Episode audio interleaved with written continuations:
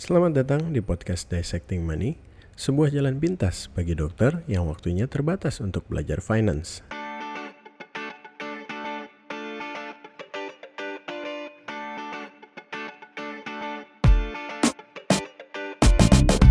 Ini adalah episode kedua dari podcast Dissecting Money dan saya adalah Dr. Jefta Tobing, penulis dari blog Dissecting Money yang dapat Anda baca di www.dissectingmoney.com. Sedikit review aja bahwa di episode perdana dari podcast ini kita sudah bicara tentang latar belakang dari dissecting money baik itu blog maupun podcastnya dan kemudian kita sudah bicara sebenarnya kenapa sih dokter itu perlu pengetahuan keuangan atau literasi finansial kegawatannya apa. Nah sementara pada episode kedua ini saya beri judul uang dokter sama dengan kepuasan pasien. Sebenarnya judulnya tadinya mau saya buat seperti judul jurnal hubungan antara pengaturan keuangan dokter dan pelayanan pasien. Tapi sepertinya kok terlalu formal dan terlalu panjang untuk dijadikan judul podcast. Jadi saya kasih judul yang pendek aja. Nah, apa sih hubungannya antara pengaturan keuangan dokter sama pelayanan pasien? Kok kayaknya jauh banget Jeff? Apa hubungannya? Emangnya apa hubungannya duit kita sama kualitas pelayanan pasien? Mungkin kelihatannya iya, namun mari kita gali lebih dalam dan kita coba lihat apakah ada hubungannya. Kita coba dulu merefleksikan apa yang biasanya terjadi atau bagaimana sebenarnya kehidupan sehari-hari seorang dokter spesialis.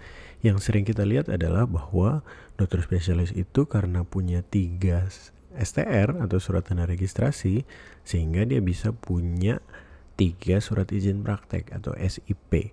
Artinya dia bisa punya tiga rumah sakit kalau misalnya tiga-tiganya itu jadi part timer karena kalau full timer biasanya SCP tersebut ditaruh di satu tempat.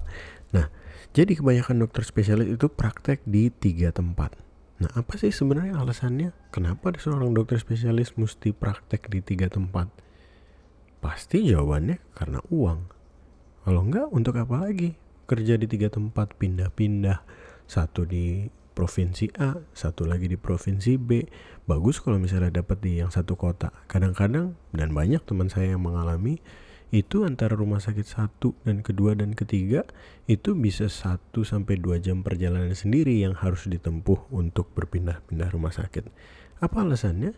Ya tentunya untuk dapat uang lebih banyak karena dari satu rumah sakit nggak cukup, jadi kedua SIP yang lain digunakan untuk kerja di rumah sakit lain, buka lapak lain, sehingga bisa dapat uang lebih lagi. Jadi benar apa yang ayah saya suka bilang ke saya bahwa dokter itu bekerja selayaknya tukang beca. Kalau kita narik ya dapat duit. Kalau kita nggak narik ya nggak dapat duit. Jadi semakin banyak tempat narik akan lebih banyak uang yang kita dapatkan. Sekarang kita ke poin yang kedua.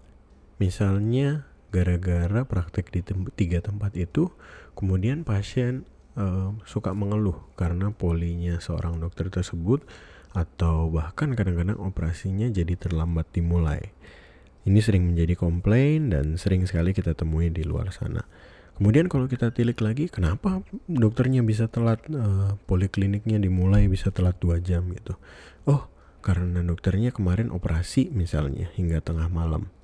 Kenapa harus operasi sampai tengah malam? Tentunya karena untuk cari uang, karena operasi itu kan untuk jasa medis, artinya kita dapat uang. Kenapa operasinya mesti tengah malam? Kenapa nggak sore aja? Ya karena sore belum selesai, kan masih praktek di rumah sakit yang sebelumnya, rumah sakit B misalnya. Loh, kenapa harus kerja di rumah sakit B juga? Kembali lagi tadi karena uang. Satu topik lain lagi yang cukup sensitif sebenarnya. Apa alasannya banyak kasus di luar sana dokter itu terlibat hukum karena mengambil apa yang namanya gratifikasi. Ya sudah pasti namanya aja gratifikasi artinya karena tertarik dengan uh, sejumlah uang atau penawaran lain yang diberikan sebagai imbalan untuk sesuatu yang dilakukan oleh dokter tersebut. Kemudian satu topik yang tidak kalah kontroversial lagi yaitu dokter yang sikut-sikutan atau rebutan lapak. Mungkin banyak dokter di sana yang berpikir bahwa ah Sepertinya nggak gitu deh, tapi kita tahulah kenyataannya bahwa memang ada seperti itu. Kalau kita bekerja di suatu lingkungan rumah sakit dan kemudian ada dokter baru yang mau masuk, kita akan berpikir bahwa wah lapak gua mau diganggu orang nih. Ini lapaknya dia nanti yang baru masuk bisa-bisa ngambil pasien gua nih. Ini baru pikiran buruknya aja, baru suuzonnya aja gitu. Jadi kenapa dokter harus pusing mengenai lapaknya? Kenapa harus mulai menjaga, oh ini pasien loot gua, ini bukan pasien dia gitu.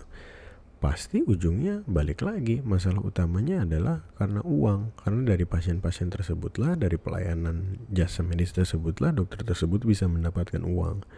Tapi kalau misalnya kita bicara tentang uang ini, orang selalu bilang, wah itu tabu bro untuk diomongin gitu kita ngomongin gaji aja nggak pernah antara sesama dokter, sesama dokter spesialis. Nggak pernah berani untuk nanya, ah gaji lo berapa sih? Cukup nggak kira-kira buat kehidupan lo? Padahal menurut saya nih, ini suatu opini yang tidak populer. Uang itu adalah sesuatu yang ada di dalam keseharian kita. Kita kerja untuk uang, kita hidup dengan spend uang. Jadi ini sesuatu yang betul-betul harus dipelajari dan harus dibahas.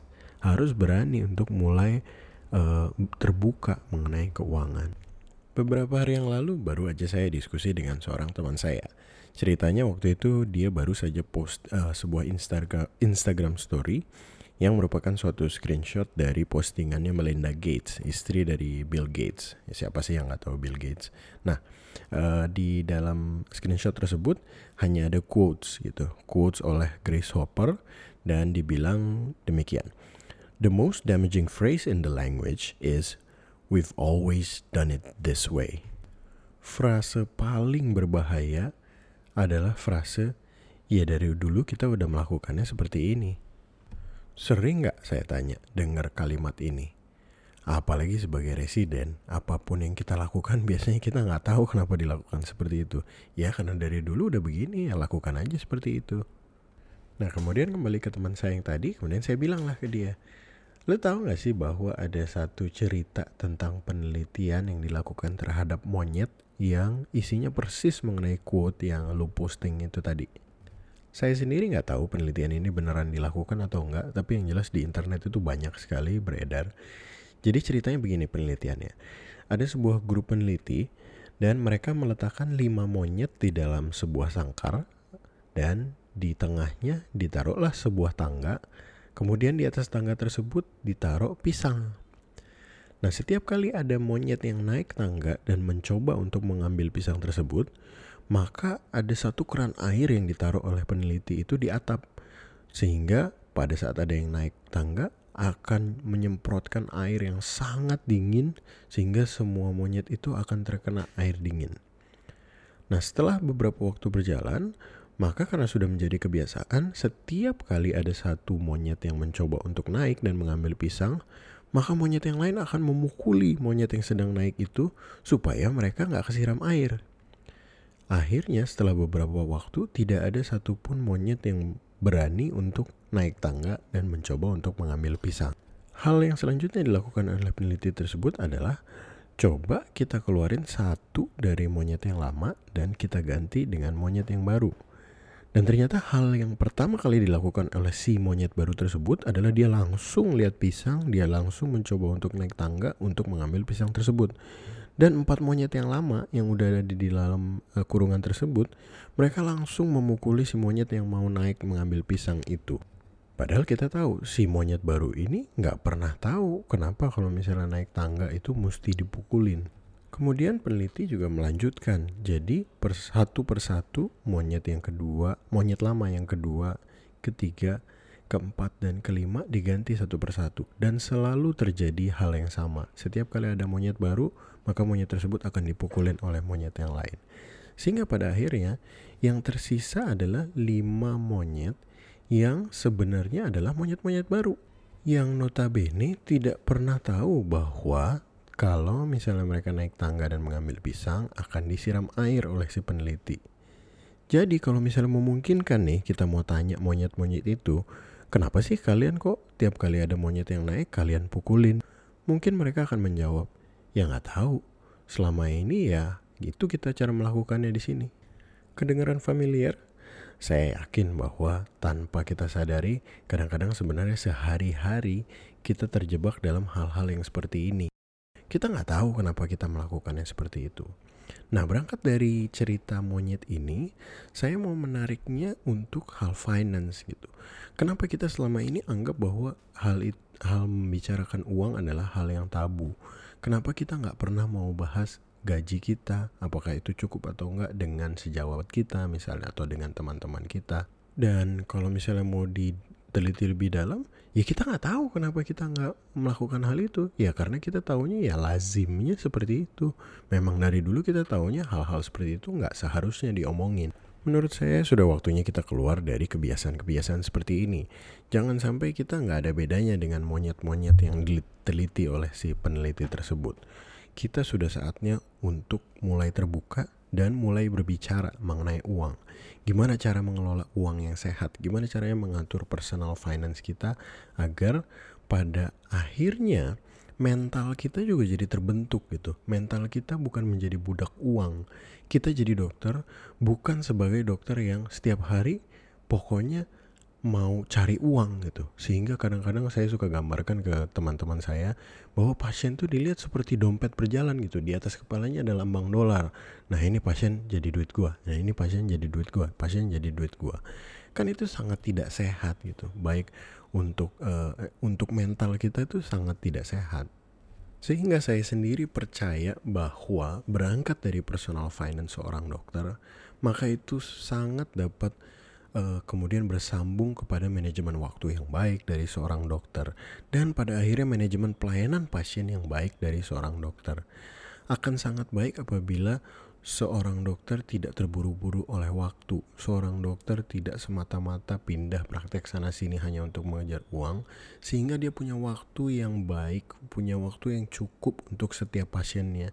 Dia bisa menjelaskan penyakit pasien ini apa, dia bisa menjelaskan apa diagnosis-diagnosis banding, bagaimana cara berpikirnya, gimana kira-kira untuk diagnosis A kita akan lakukan tindakan demikian, B kita akan lakukan tindakan demikian, sehingga hubungan antara pasien dan dokter itu juga menjadi suatu hubungan yang baik.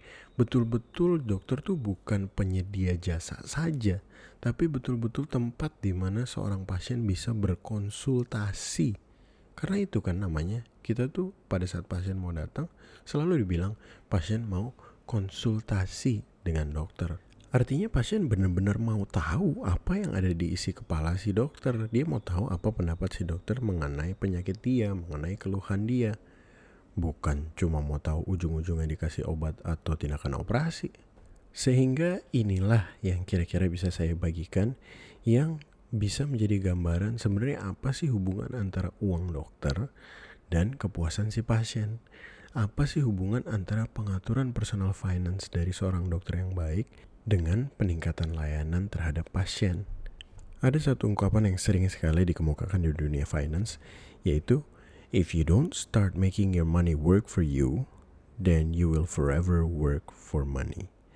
Jadi apabila kita tidak mulai sekarang untuk tahu bagaimana uang kita dapat bekerja untuk kita, maka seumur hidup kita akan bekerja untuk uang atau saya selalu sebut ekstrimnya, kita seumur hidup akan jadi budak uang. Kita setiap hari berangkat kerja untuk dapetin uang. Kita setiap hari melakukan dalam tanda kutip pelayanan untuk pasien untuk mendapatkan uang. Padahal sebenarnya nggak harus seperti itu. Mudah-mudahan ini bisa memberikan gambaran juga kepada sejawat sekalian bahwa saya seorang dokter, tapi ngomongin uang itu bukan artinya saya cinta uang. Tapi justru karena melalui pembelajaran personal finance ini, saya jadi mengerti gimana caranya supaya saya tidak jatuh ke dalam jebakan yang namanya cinta uang. Gimana caranya supaya saya tidak menjadi budak uang. Sehingga apa yang saya lakukan setiap hari sebagai dokter betul-betul murni adalah pelayanan saya untuk orang lain di sekitar saya. Dan saya yakin bukan hanya saya aja, para dokter-dokter yang mendengarkan podcast ini, saya yakin dokter sekalian bisa menjadi dokter yang demikian. Caranya gimana? Ya dengan belajar personal finance. Jangan lupa untuk cek website saya di www.dissectingmoney.com dan jika dokter punya pertanyaan atau hal yang ingin didiskusikan, ada ikon chat di kanan bawah dan bisa diklik di situ agar bisa tanya ke saya dan jangan-jangan bisa didiskusikan juga di dalam podcast ini. Ada akun Twitter dan Instagram juga di @dissectingmoney. Jangan sungkan untuk bertanya, jangan ragu-ragu untuk kontak saya. I would love to hear from you. Belajar finance itu tidak mesti rumit dan merepotkan. Jadi, kenapa nggak kita buat sederhana aja?